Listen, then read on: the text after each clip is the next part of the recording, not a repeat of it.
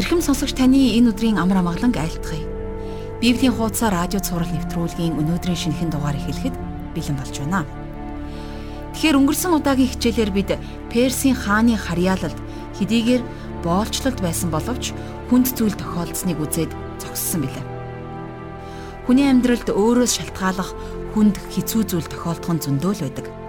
Зарим хүмүүс амьдралд хорон мууг хийж байгаа хүмүүстэй тохиролцож төр зургийн амар тайван дотор амьдрахыг хүсдэг. Харин Персид амьдарч байсан Мордихай тийм нэгэн байсангүй. Тэрээр хорон санаад тушмал хамааны эсрэг зогсож чадсанараа ард түмнийгээ хин хаанаас гаралтайгаа санах ёстойг ухааруулж чадсан юм.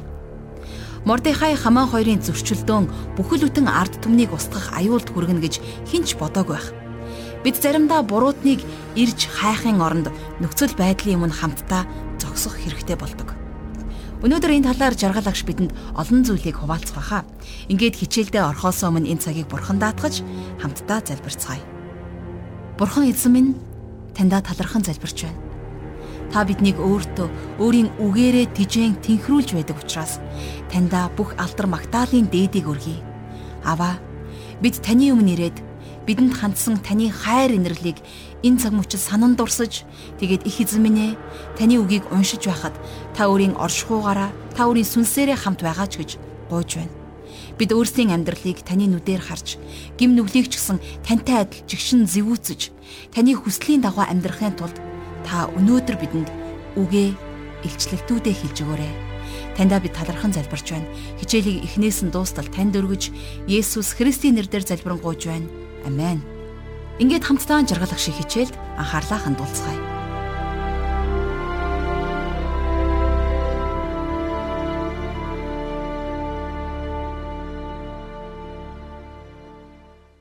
За өнөөдрийнхөө хичээлийг бид хамтдаа Эстер номынхоо 4-р бүлгээр үргэлжлүүлэн үзэх гэж байна.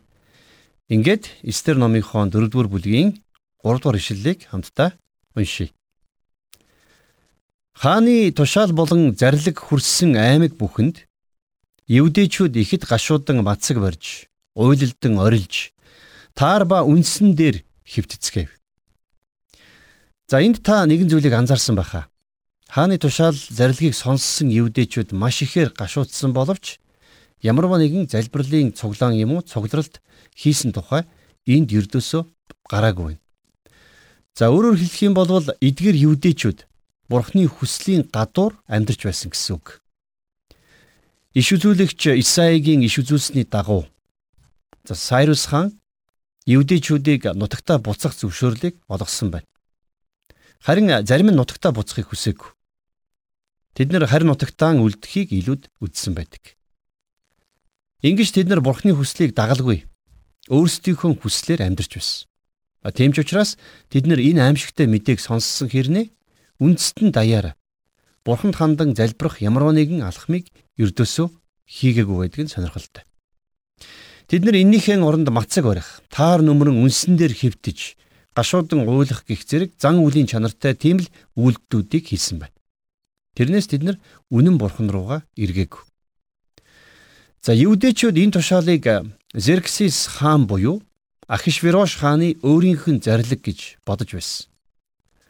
За тухайн үеийн Мед Персийн хуулиар болвол хааны тушаал зарлиг нэгэнд л гарсан бол тэрнийг хизээч буцаах аргагүй байдаг байсан. За энийг эртний түүхийн янз бүрийн их сурвалжууд, ном болон за Библийн Даниэл номон дээр маш тодорхой өгүүлсэн байдаг юм а. За тэрч бүхэл Ахишвирош хаан үзэгсэлэнтэй хатнаас суудлаас нь буулгасныхаа дараа эргүүлэн хатны суудалд суулгаж чадаагүй та санаж байгаа тийм ээ. Яагаад гэхлээр хааны тушаал нэгэнт гарчихсан бол одоо өстой бидний хилдгээр вандан тас болсон байсан гэсэн үг. Нэгэнт гарсан хааны зарлиг тушаалыг хаан өөрөө ч өөрчлөх боломжгүй байдаг байсан. Тиймээс энэхүү тушаалын талаар сонссон даруйда евдээчүүд гашуудан уйлалдсан байна.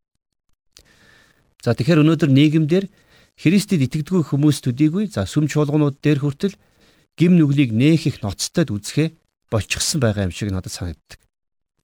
Итгэдэг хүмүүс би Христэд итгэдэг гэж хэлсэн хэрнээ. Өөрийнхөө амьдралд байгаа гим нүглийг тэр болгон ноцтой авч үзэхэ болчихсон байна. Хамгийн сүүлд та хизээ Бурхны өмнө ирээд гим нүглээ гимшин чин сэтгэлээсээ уйлсан бэ? Чин сэтгэлээсээ бурхнаас уучлал өршөөлийг та хизээ хамгийн сүүлд хүссэн хашгирсан бэ? Анх Монголд 90-ад оны ихээр сайн мэдээ орж байсан яг тэр үед хүмүүс бурхны өмнө өөрсдийнхөө гим нүглийг улааж уйлан гимшин нүглээ намжилдаг байсан. Харин өнөөдөр итгэгчид тэр болгон бурхны өмнө уйлан байж гимшихэ болсон юм шиг надад санагдаж байна. Христэд итгэж, Христээр ирж байгаа шинэ хүмүүс хүртэл амаараа би Христэд итгэх шийдвэр гаргаж байна гэж хэлж байгаа ч гэсэн тэдний нүдэнд ямар ч гимшлийн нулимс цэглэгнэхгүй. Яагаад? Яагаад гэвэл бид нар Бурхан гим нүглийг ямар ихээр үзэн яддаг вэ гэдгийг мартчихад явж байна. Бурхан гим нүглийг гарцаагүй шийтгэх болно гэдгийг ноцтой авч үзэхэ болчихсон явж байна гэсэн үг. За Мордхагийн хувьд гэх юм бол хааны энэ тушаал ямар ноцтой, ямар аюултай тушаал болохыг тэрээр сайн мэдэж байсан юм. За тийм учраас Мордихай хувцаан урж үнсэн дээр гашуудан суусан. Тэрээр маш их чанга дуу гарган уйлсан гэдэг. За улс орон даяар евдээчүүд чангаар уйлалдан гашуудж байсан гэж Библиэлд бичсэн байна. Яагад гэхлээр тэд нар хааны зарлиг тушаал ямар ноцтой болохыг маш сайн ойлгож байсан юм. Өнөөдөр гим нүглийг бурхан ямар ноцтой асуудал гэж авч үздэг вэ гэдгийг бид нар хэрвээ ойлгох юм бол бид нар ч гэсэн бас магадгүй евдээчүүдийн нэгэн адил үнсэн дээр сууж гимших байсан баха. За дөрөвдүгээр бүлгийн дөрөвдүгээр ишлэл. Эстерийн шивгчэнгүүд болон тайгнууд ирж түүнд хэлэхэд хатан ихэд зовон шаналлаа. Тэгээд Мордихайн таарыг тайлуулахын тулд түүнд өмсгөх хувцас илгээсэн ч Мордихай авсангүй. Хааны ордонд байсан Эстерийн хувьд энэ талаар огт мдээгүй амар тайван байсан баг. За тийм учраас хотын төвд үнсэн дээр сууж таар нүмрэн уйлж байгаа Мордихагийн талаар сонсоод өмнөөс нь магадгүй Эстер маш их ичиж санаа нь зовсон юм шиг байна. За ямар ч байсан Эстер Мордихай руу хүнээр хувц хөргүүлсэн. За маш чамин сайхан хувц явуулсан байхаа гэж би хувьдаа төсөөлөн боддог. Харин Мордихай тэр хувцсыг хүлээж авахаас татгалцсан. Яагаад үг гэхээр гой ганган хувц өмслөөгээд нөхцөл байдлыг өөрчлөхгүй гэдгийг Мордихай сайн мэдэж байсан. За тэгэхээр эндээс бид нэгэн дүр зургийг олж харах боломжтой. Аливаа шашин шүтлгийн зан үйл сүсгэлэл нь хүний гим нүглийн ичгүүрийг халахлах боломжгүй байдаг. За хүн хичнээн шашинлаг байдал гаргасан ч гэсэн бурхны өмнө тэр хүний гим нүглийг энэ байдал нь цайруулах боломжгүй шүү дээ. Гим нүглийн төлөөс нь үхэлгдэг гашуун үннийг ямар ч шашин өнөөдөр үгүйсгэн далдлалж чадахгүй байгаа. Хүмүүс янз бүрийн чамин хувцсаар өөрийгөө халахлах гэж оролддог. Тэд нэр хүн гим нүгэлтэн гэдгийг хүлээн зөвшөөрөхөөс татгалздаг. Тэд нэр гим нүглийн бодит байдлыг үгүйсгэн далдлах гэж оролддог. За зарим нь шинчлэл гэдэг сайхан хувцсны цаана нуугдах гэж оролддог. Бид нар гимнүглийг зүгээр л бяцхан алдаа гэж тайлбарладаг. Энийгээ засчихтал болно гэж өөрсдийгөө хуурцгаадаг. Тэгэхээр хүмүүс өөрсдийгөө шинчилснээр гимнүглээс ангиж ирч чадна гэж харамсалтай нь эндүүцгээж байна. За тэр битгий хэл зарим чуулганы эндэр дээрээс бурхны үг биш харин хүний бодол санаа яригдж байна. Хүмүүс бид нар шинчлэгдэн өөрчлөгдөх биш харин Христэд итгэх итгэлээр дахин төрөх хэрэгтэй байгаамаа. Евдээчүүдийн удирдагч нэгэн хүн болох Никодем Есүс дээр шүн дөлөөр ирж уулзсан тухай түүхийг та санаж байгаа бох тийм ээ. За тэрхүү шашинлаг хүнд Есүс юу гэж хэлсэн гэхлээр та дээрээс дахин төрөх ёстой гэж хэлж байсан. Тэгэхээр бид нэр гимт мөн чанартай учраас биднэрт цоо шин мөн чанар хэрэгтэй. Яагаад гэхлээр Бидний энэ гимт мөн чанар хизээч биднийг диважн руу авч явахгүй. Та Есүс Христийн өмнө ирээд түүнийг аврагчаа болгон хүлээж авах хэрэгтэй. Есүс таны төлөө загламай дээр амиа өгсөн гэдэгт итгэх хэрэгтэй. Таны төлөх ёстой байсан гим нүглийн төлөөсийг тэр төлсөн гэдэгт итгэнэ гэсэн үг шүү дээ. Ингэж та Есүс Христэд итгэсэн тэр л итгэлээс өөр ямар ч арга замаар мөнхийн улс буюу диважинд орох боломжгүй юм аа. За зарим хүмүүс нөгөөтэйгөр боловсрал гэдэг гоё ганган хувцсны ард нуугддаг. Хүн мэдээж өөрийгөө хөгжүүлж боловсруулж чадах юм бол хүнд их тус болно. Гэхдээ гим нүглээс ангижрах боломжгүй. Боловсрол мэдлэг гэдэг зүйл бидний гимт мөн чанарыг өөрчилж чадахгүй. Хүн боловсралтай болохын хэрээр өөрийгөө захирч гим үлдэхгүй байж чаддаг байсан болвол өнөөдрийн доктор профессорууд бүгдээрээ огт гим нүгэл үлддэггүй хүмүүс болох ёстой байсан шүү дээ. Шашин шүтлгийн хувцасч гисэн хүнийг гимд нүгэлт байдлаас нь чөлөөлөн ангижруулах боломжгүй байдаг. Хүн даян хийж нийгмээс өөрийгөө тусгаарласан ч тэрний гимт мөн чанар байсаар л байдаг. Тэгэхээр бидэнд Есүс Христээс өгөгдөх цоо шин хувцас хэрэгтэй. За энэ хувцас болвол зөвтгөл. Бидэнд Есүс Христээс ирдэг зөвтгөл зөвхт байдал хэрэгтэй. Зөвхөн тэрхүү зөвтгөлийг өмсөж байж хүн бид нар гимгүү ариун бурхны өмнө зогсох боломжтой болох юм. За тэгэхээр Мордехай Эстерээс ирсэн ямар ч хувцсыг хүлээж авахаас татгалцсан. За илгээсэн бүх хувцснууд нь эргэж ирсний дараагаар ямарваа нэгэн ноцтой зүйл болоод байгааг Эстер ухаарсан байдаг. За өргөж авсан аав нь илгээсэн хувцснаас татгалцсан энэхүү үйл явдал ямарваа нэгэн ноцтой юм болоод байна гэдгийг Эстерт тодорхой ойлгуулж өгсөн байдаг. Хамтдаа 5 дугаар ишлэгийг уншъя. Тэгээд Эстер өөрт нь үйлчлүүлэхээр хааны томилсон тайгануудаас хатаахыг дуудан ирүүлээд түүнийг Мордехай дээр очиод юу болоод байгаа? Яагаад ийм болсныг мэдэж авахыг тушаав. За ингээд явуулсан хувцсыг нь өмсөөгөө учраас Эстер дахиад нэг хүнийг учир байдлыг нь лавл гэж илгээж байна тийм ээ. Чухам яг яагаад Мордехай ингэж гашуудаад байгааг нь асуулгахаар өөрийнхөө итгэмжтэй нэгэн хүнийг эстер ингэж явуулж байна. За 6 дугаар ишлэл дээр хатаах Мордехай руу хааны даам хаалганы өмнө хотын талбай руу очивоо. За ингэж эстерийн зарц хатаах Мордехай дээр очиж юу болоод байгааг нь лавлаж асуусан байна. За цааш нь хамтдаа 7-оос 9 дугаар ишлэгийг уншийе.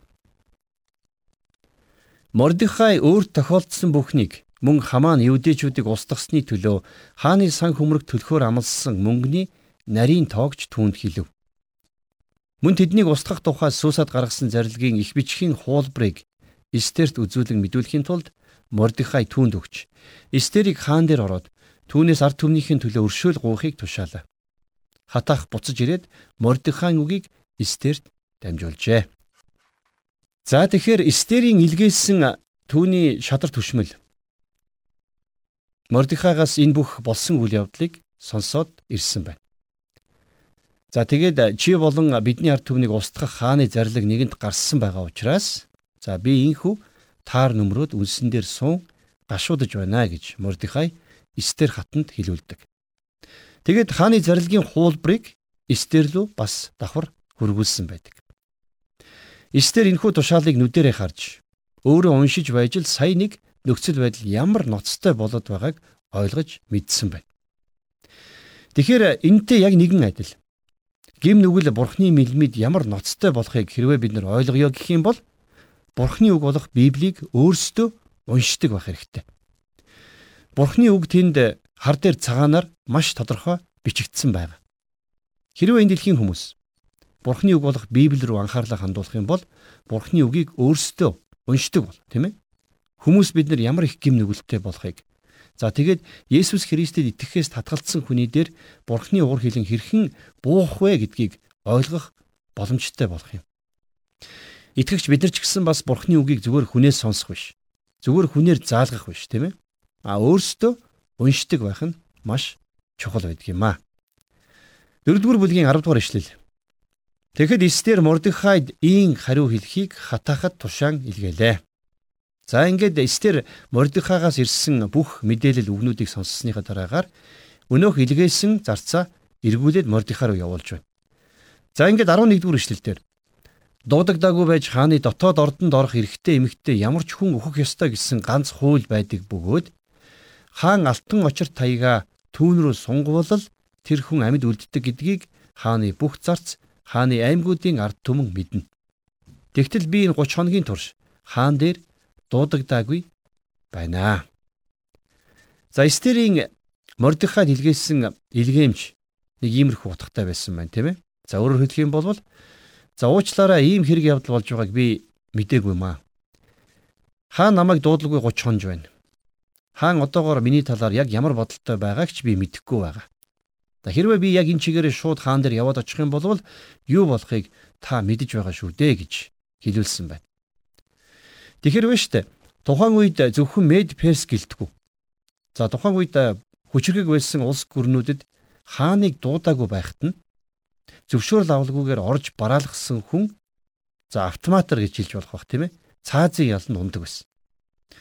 За хэрвээ хаан тэр хүн рүү очирт таягаа сунгах юм бол тухайн хүн цаазын ялнаас чөлөөлөгдөх боломжтой байсан. Гэтэл Ахишврош хаан маш түргэн ууртаагаараа алдартай хүн байлаа. Хэрвээ ганцхан зүйл буруугаар эргэх юм бол Ахишврош үзэгсэлэн ихнэрээ цаазаар авахд ч гайхахааргүй тийм хатуу ширүүн хаан байсан юм. Тийм учраас Эстер Мордехайд хэрвээ би хаан дээр шууд яваад орох юм бол үхэх болно шүү дээ гэж хэлүүлсэн байгаа юм. За тэгээд 12 дугаар ишлэлийг харъя. Тэд Эстерийн үгийг Мордехайд дамжуулахад гэсэн байгаа биз?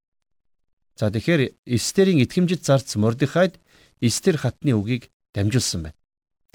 А харин хариуд нь Мордехай ийм үгийг хөргүүлсэн байдаг. За хамтдаа 13-аас 14 дугаар ишлэгийг уншийе. Хааны өргөнд байгаа чи бүх евдээ хүнээс ганцаараа мултарч чадна гэж бүү сан. Хэрв чи энэ үед чимээгүй байх юм бол евдээчүүдэд өөр газраас тусламж аврал ирж харин чи болон чиний эцгийн гэр сүнэн хааны эрх дарахад хүрсэн чинь энэ цагийн төлөө чи юм билүү? Хин мэдэх вэ? За энээс өмнө болж өнгөрсөн нэгэн түүхийг бид мартах учиргүй тийм ээ. Юу вэ гэхээр хаан өөрийнхөө хайртай хатныг байр суурнаас нь зайлуулж байсан удаатай. Тийм учраас Эстерийн хувьд ч гэсэн хааны уурыг хүргэхээс айж имэж байсан нь зайлшгүй. А гэхдээ хааны зарлиг нэгэнд хэрэгжиж эхлэх юм бол Эстер хатанч гисэн зайл харахгүй болно гэдгийг Мордихай Эстерт сануулж байна. Тухайн үед Персийн улс гүрэн даярах бүх евдээчүүдийг хөнөөх хааны зарлиг гарсан байсан. Харин Эстер бол евдээ хүн учраас тэрэнд ч гэсэн ямар ч зайлах гарц байхгүй болно. Тийм учраас Мордихай тэрэнд чи хатан байлаа гэд хааны цаазаас мутрах боломжгүй. Хааны зарлиг ёсоор бүх евдээчүүд үхэх ёстой болно. За тэр цагт хатнанч гэсэн евдээ хүн учраас гарцаагүй үхэн шүү дээ гэдгийг Эстерт Мордехай сануулan хэлсэн байна. Харин Ахишврош хааны хувьд гэх юм бол Эстерийг евдээ үндэстэн гэдгийг бол хараахан мдээгүй байсан. За цааш нь Мордехай Эстерт хэрвээ чи энэ удаа ямарваа нэгэн алхам хийхээс татгалцах юм бол евдээчүүдийн аврал өөр газараас ирэх болно гэж хэлүүлж байна тийм ээ. Тэгэхээр их сонирхолтой. Мордехай энэ үгийг хэлэхдээ яг юу гэж бодож байсан юм болоо? За би Деважинд очиод Мордехайгаас энэ асуултыг асууна. Үнэн хэрэгтээ евдээчүүдэд бурхнаас өөр хинээс ч тусламж ирэх боломжгүй. Тэднэрт бурхнаас өөр хандах нэгэн байхгүй. За Мордехай ч энийг сайн ойлгож байсан. Өөрөөр хэлэх юм бол бурхан хүсэх юм бол эстер биш. Өөр хин нэгэн хүнээр дамжуулаад улс үндэстний аврах боломжтой гэдэгт Мордехай итгэж эхэлсэн байна тийм ээ. Тэгэхээр Авраамд эрт дээр үеэс өгсөн бурхны амлалтыг Мордехай маш сайн мэддэг байсан учраас бурхан өөрийнхөө ард түмнийг яаж ч байсан хамгаалах болно гэдэгт итгэж байсан. За тийм учраас Мордехай Эстерийг шахаж байна. Ахишврош хаан бол тухайн үедээ дэлхийн захирагч байсан. Тэрний гараас евдээчүүдийг аварч чадах хүн тухайн үед дэлхий дээр нэгч байгаагүй. Тийм учраас Мордехай Эстерт хандаж хааны эрх дарахад хүрсэн чинь энэ цагийн төлөөч юм билүү хэн мэдэх вэ гэж хэлсэн байна. За энэ үг бол их чухал үг юм байна. Эстерийг хатан болгосны цаана бурхны зориг нуугдж байсныг Мордехай ухаарч ойлгосон. За үнэхээр ч Эстер хааны хатныг шалгаруулах тэмцээнд санамсаргүй төрүүлээгүй шүү дээ. Нэг үгээр хэлэх юм бол тэр сохор азар хатан болоогүй тийм ээ. Тэр маш өндөр байр сууринд очисон учраас цаана маш тодорхой нууц зориг агуулж байсан байна. Бурхан хүн төрлөختний бүх цаг үеийн туршид өөрийн төлөвлөгөө зорилгын дагуу ажилласаар ирсэн. Евдээчүүдийг юу хүлээж байгааг бурхан сайн мэдэж байсан. Тийм учраас бурхан энэ бүхий нөхцөл байдалд урьдаас бэлтгэсэн байна. Тийм учраас бид нэр бурханд итгэж найдаж болно. Бид бурхны гараас хөтлөх үед бурхан биднийг найдвартайгаар хөтлөн дагуулна гэдгийг бид нар мэднэ. Бидний хувьд бурханд зөвхөн итгэхэд л хангалттай. За Мордихай энд жинхэнэ итгэлийн баатар хүний үгийг хэлж байна. Тэр бурхны талд бат зогсож байгаагаа илэрхийлж байна. Бурханд бат итгэж байгаагаа тунхаглаж байна, тийм ээ. Тэр байтугай бурхны төлөө өгөхөөс ч буцахгүй гэдгээ энд харуулж байна. За хамтдаа харин одоо Эстер юу гэж хэлснийг 4-р бүлгийнхээ 15-аас 17 дугаар ишлэлээс уншийе. Тэгэхэд Эстер Мордехайд ийн хариул гэж хэлв. Явж Сусад байгаа бүх евдээчүүдийг цуглуулж миний төлөө мацаг барьж шүнж өдөрч 3 хоногийн турш бүү үед бүү уу. Би болон миний шивгчэнгүүд ч мөн ийхүү мацаг барьнаа. Хуулийн дагуу биш гэсэн би хаан дээр орно. Хэрвээ би өөхөх ёстой бол өөхнө. Ингээд Мордехай явж өөрт нь Эстерийн тушаасан ёсоор үлдлээ.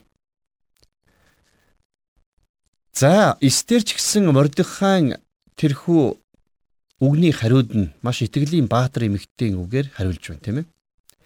Эстер Мордехайг бүх евдээчүүдийг цуглуулад өөрийнх нь төлөө мацаг бариарэ гэж загсан. За тэднийг мацаг барьж байх цуур Эстер өөрөө зүгээр суулгүйгээр шивгчэнгүүдийнхээ хамт бас мацаг барих болно гэж хэлж байна. Ард түмнийхээ авралын төлөө Амери дэнчин тавих шийдвэрийг Эстер энд гаргаж байна. А гэхдээ та нэг зүйлийг анзаарсан болвол энд ч гэсэн бас залбирах тухай ерөөсөө яригдахгүй байгаа. Яагаад? Яагаад Эстер залбираагүй? За миний бодлоор яагаад гэх юм бол Эстер ч гэсэн бас Бурхны хүслийн гадуур амьдарч байсан. Юудэчүү залбираагүй. Яагаад? Яагад гэвэл тэд нар бас Бурхны хүслийн гадуур амьдарч байсан тийм ээ. Та Йонаг санаж байгаа бох тийм ээ. Хуучин гэрэн дээр гардаг. Тэгэхээр Йона хөлөг онгоцсон дээр байхдаа залбирдаггүй шүү дээ.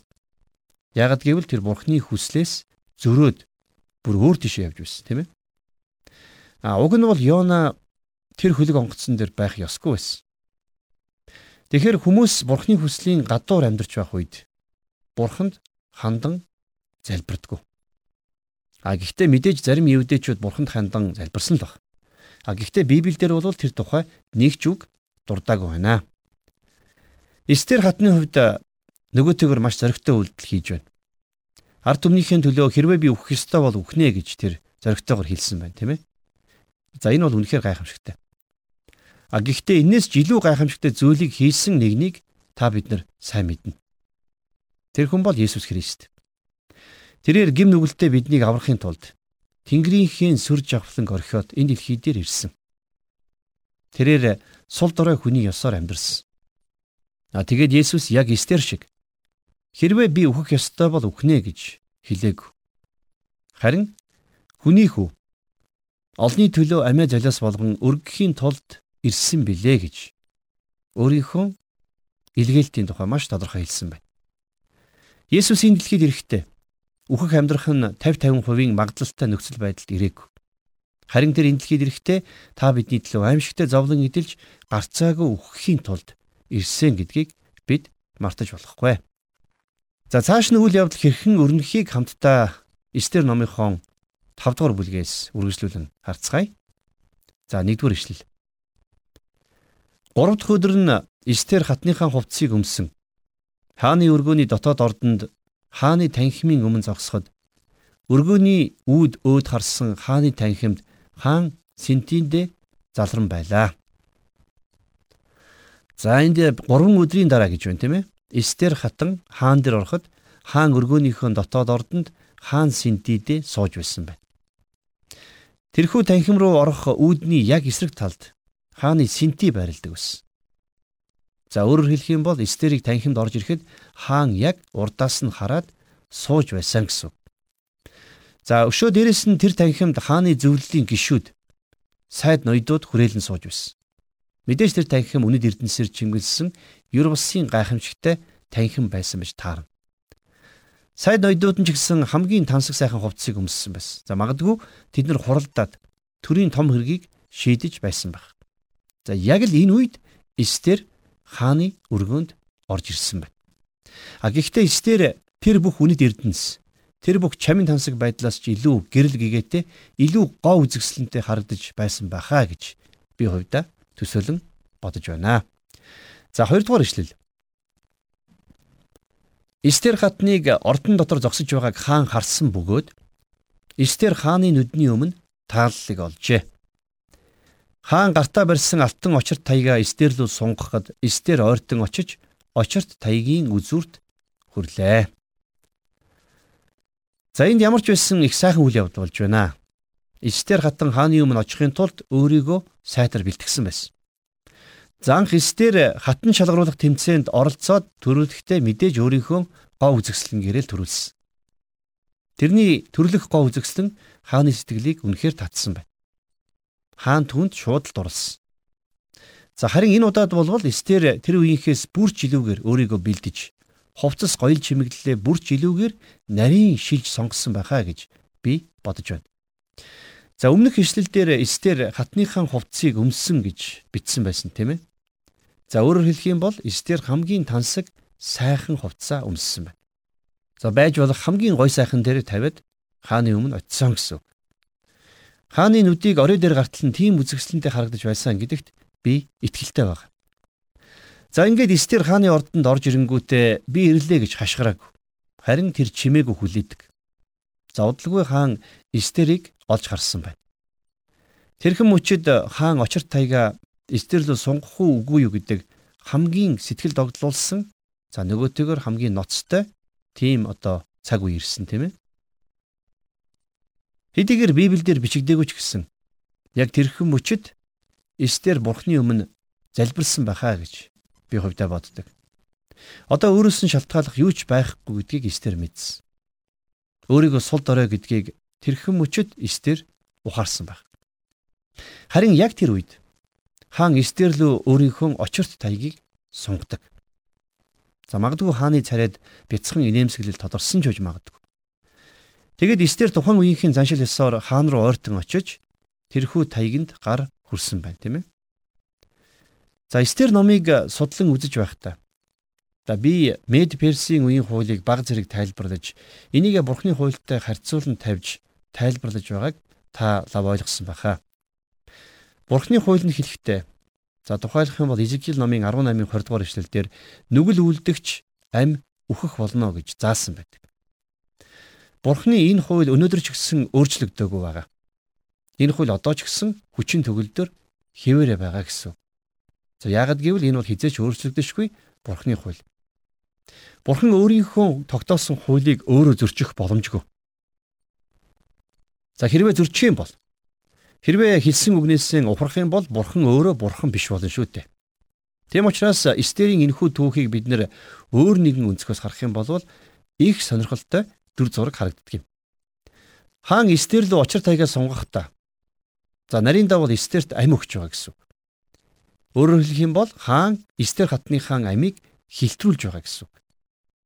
За тэгвэл энэтэй яг агаар нэг тийм ээ. Бурхан энэ дэлхий рүү өөрийнхөө очирт тайгийг сунгасан байна. Хүмүүс бид нар үнэхээр гим нүгэлтэй. За Ромын 3-ын 23 дугаар ишлэлдэр бичигдсэнчлэн бүгд гим нүгэл үйлдэлсэн учраас Бурханы алдар сууд хүрдэггүй гэж байдаг тийм ээ. За бас Эфесийн 2-ын 1-д алдаа зөрчил нүглийнхээ учир үгсэн байсан гэж бичсэн байдаг. Тэгэхээр түрүүний миний иш татсан ишлэл дээр нүглийг үйлдэгч ам үхэх болно гэж байсан тийм ээ. Тэгэхээр энэ бүх үгнүүд биелэлээ олох болно гэсэн үг. А гэхдээ хаан Эстерт хайртай байсан шиг бурхан та бидэнд хайртай. Тийм учраас бурхан энхүү хуулийнхаа дээгүр авралын очирт таяга сунгасан байна. Бурхан өөрөө энэ дэлхий дээр бидний төлөө хүн болон ирж бидний гим нүглийн төлөөсийг төлөхийн тулд бидний төлөө амиа өгсөн. Ингиж Бурханы хууль зөрчигдөлгүйгээр бид шийтгэлээс хилтрүүлэгдэх боломжтой болсон. Тийм учраас та бид өнөөдөр авралыг хүлээн авсан нь өөр хин нэгэн буюу Есүс Христ бидний өмнөөс тэрхүү нүглийн төлөөсийг төлсөн учраас гэдгийг та бид нар байнга санах хэрэгтэй. Есүс Христ загламай дээр та бидний өмнөөс амиа өгсөн. За энэний үр дүнд Бурхан энэ дэлхий рүү өөрийн өршөөлийн очирт таяга сунгасан гэсэн үг.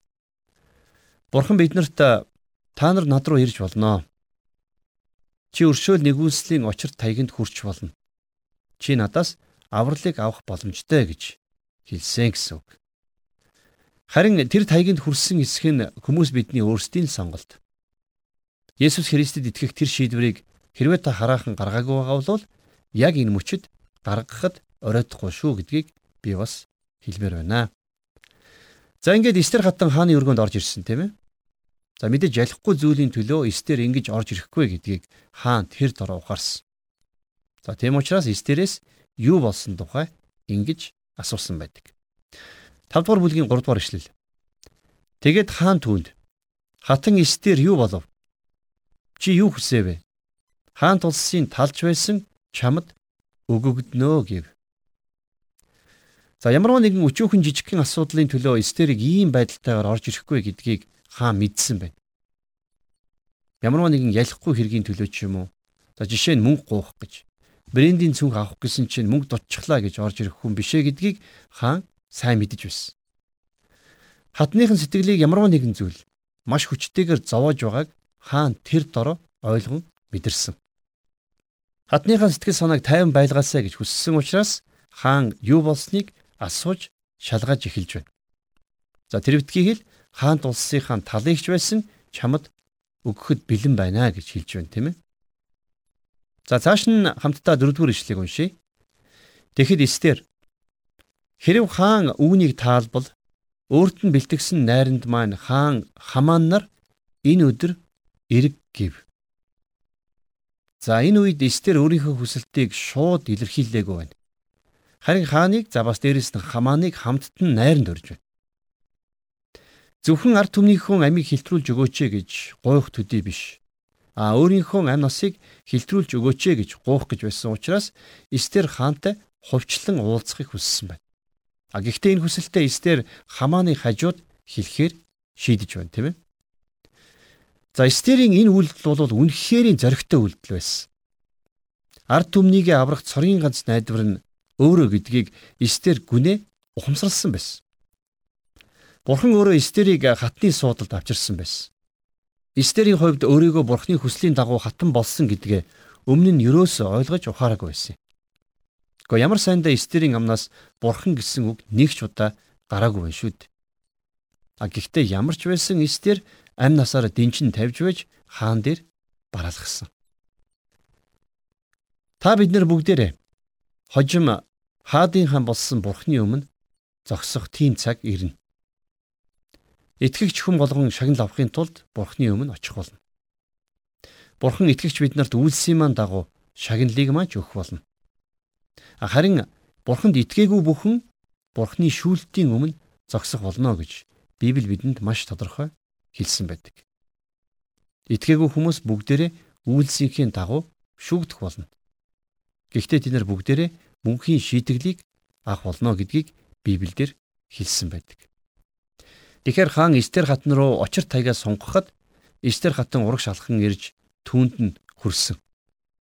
За яг энэтэй нэгэн адил бурхан ч гэсэн бас өнөөдөр та биднэр лөө очир тайга сунгасан. Бурхан биднийг ураг шалхан ирж энэ тайганд итгэлээрээ хүрээчээ хэмээн урьж байгаа гэсэн үг. Та бид нар гой сайхан ухраас юм уу?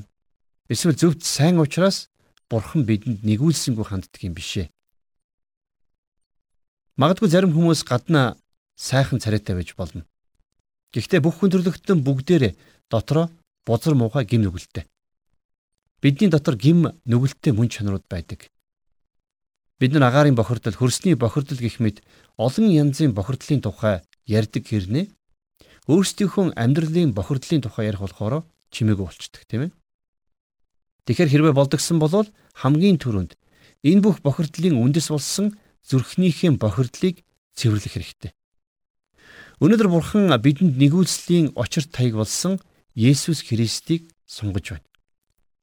Бид нэр түүнд хүрч түүнийг хүлээж авах үедээ Бурханаас амийг, уучлалыг за бас дээрэс нь авралыг авдаг юм шүү дээ. Ингээд дараагийнхаа хичээлээр үргэлжлүүлэн үцэцгээе.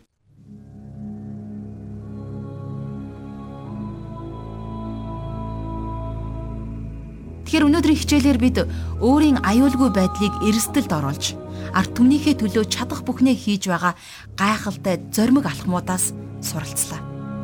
Бид Эстерийн оронд байсан бол хин нэгэн асуудалд орсон хүний хамаатан эсвэл хамтрагч нь гэдгээ хүлээн зөвшөөрч өөрийгөө илчилж эрсдэлд орох байсан болов уу?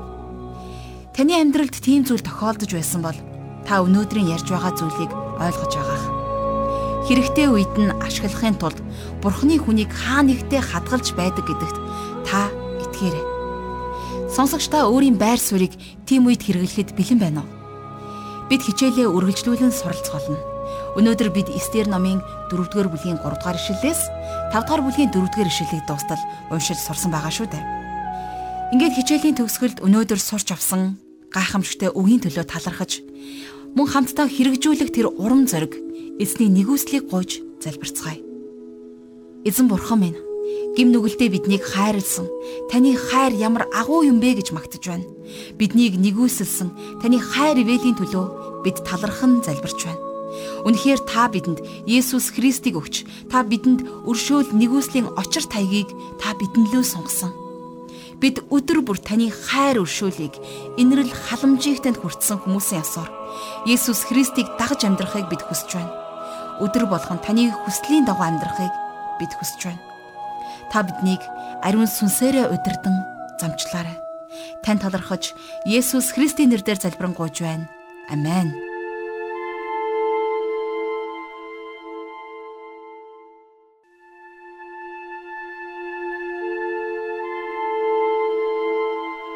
Библийн боловсрол олгох. Библийн хуудасаар нэвтрүүлэг танд хүрэлээ.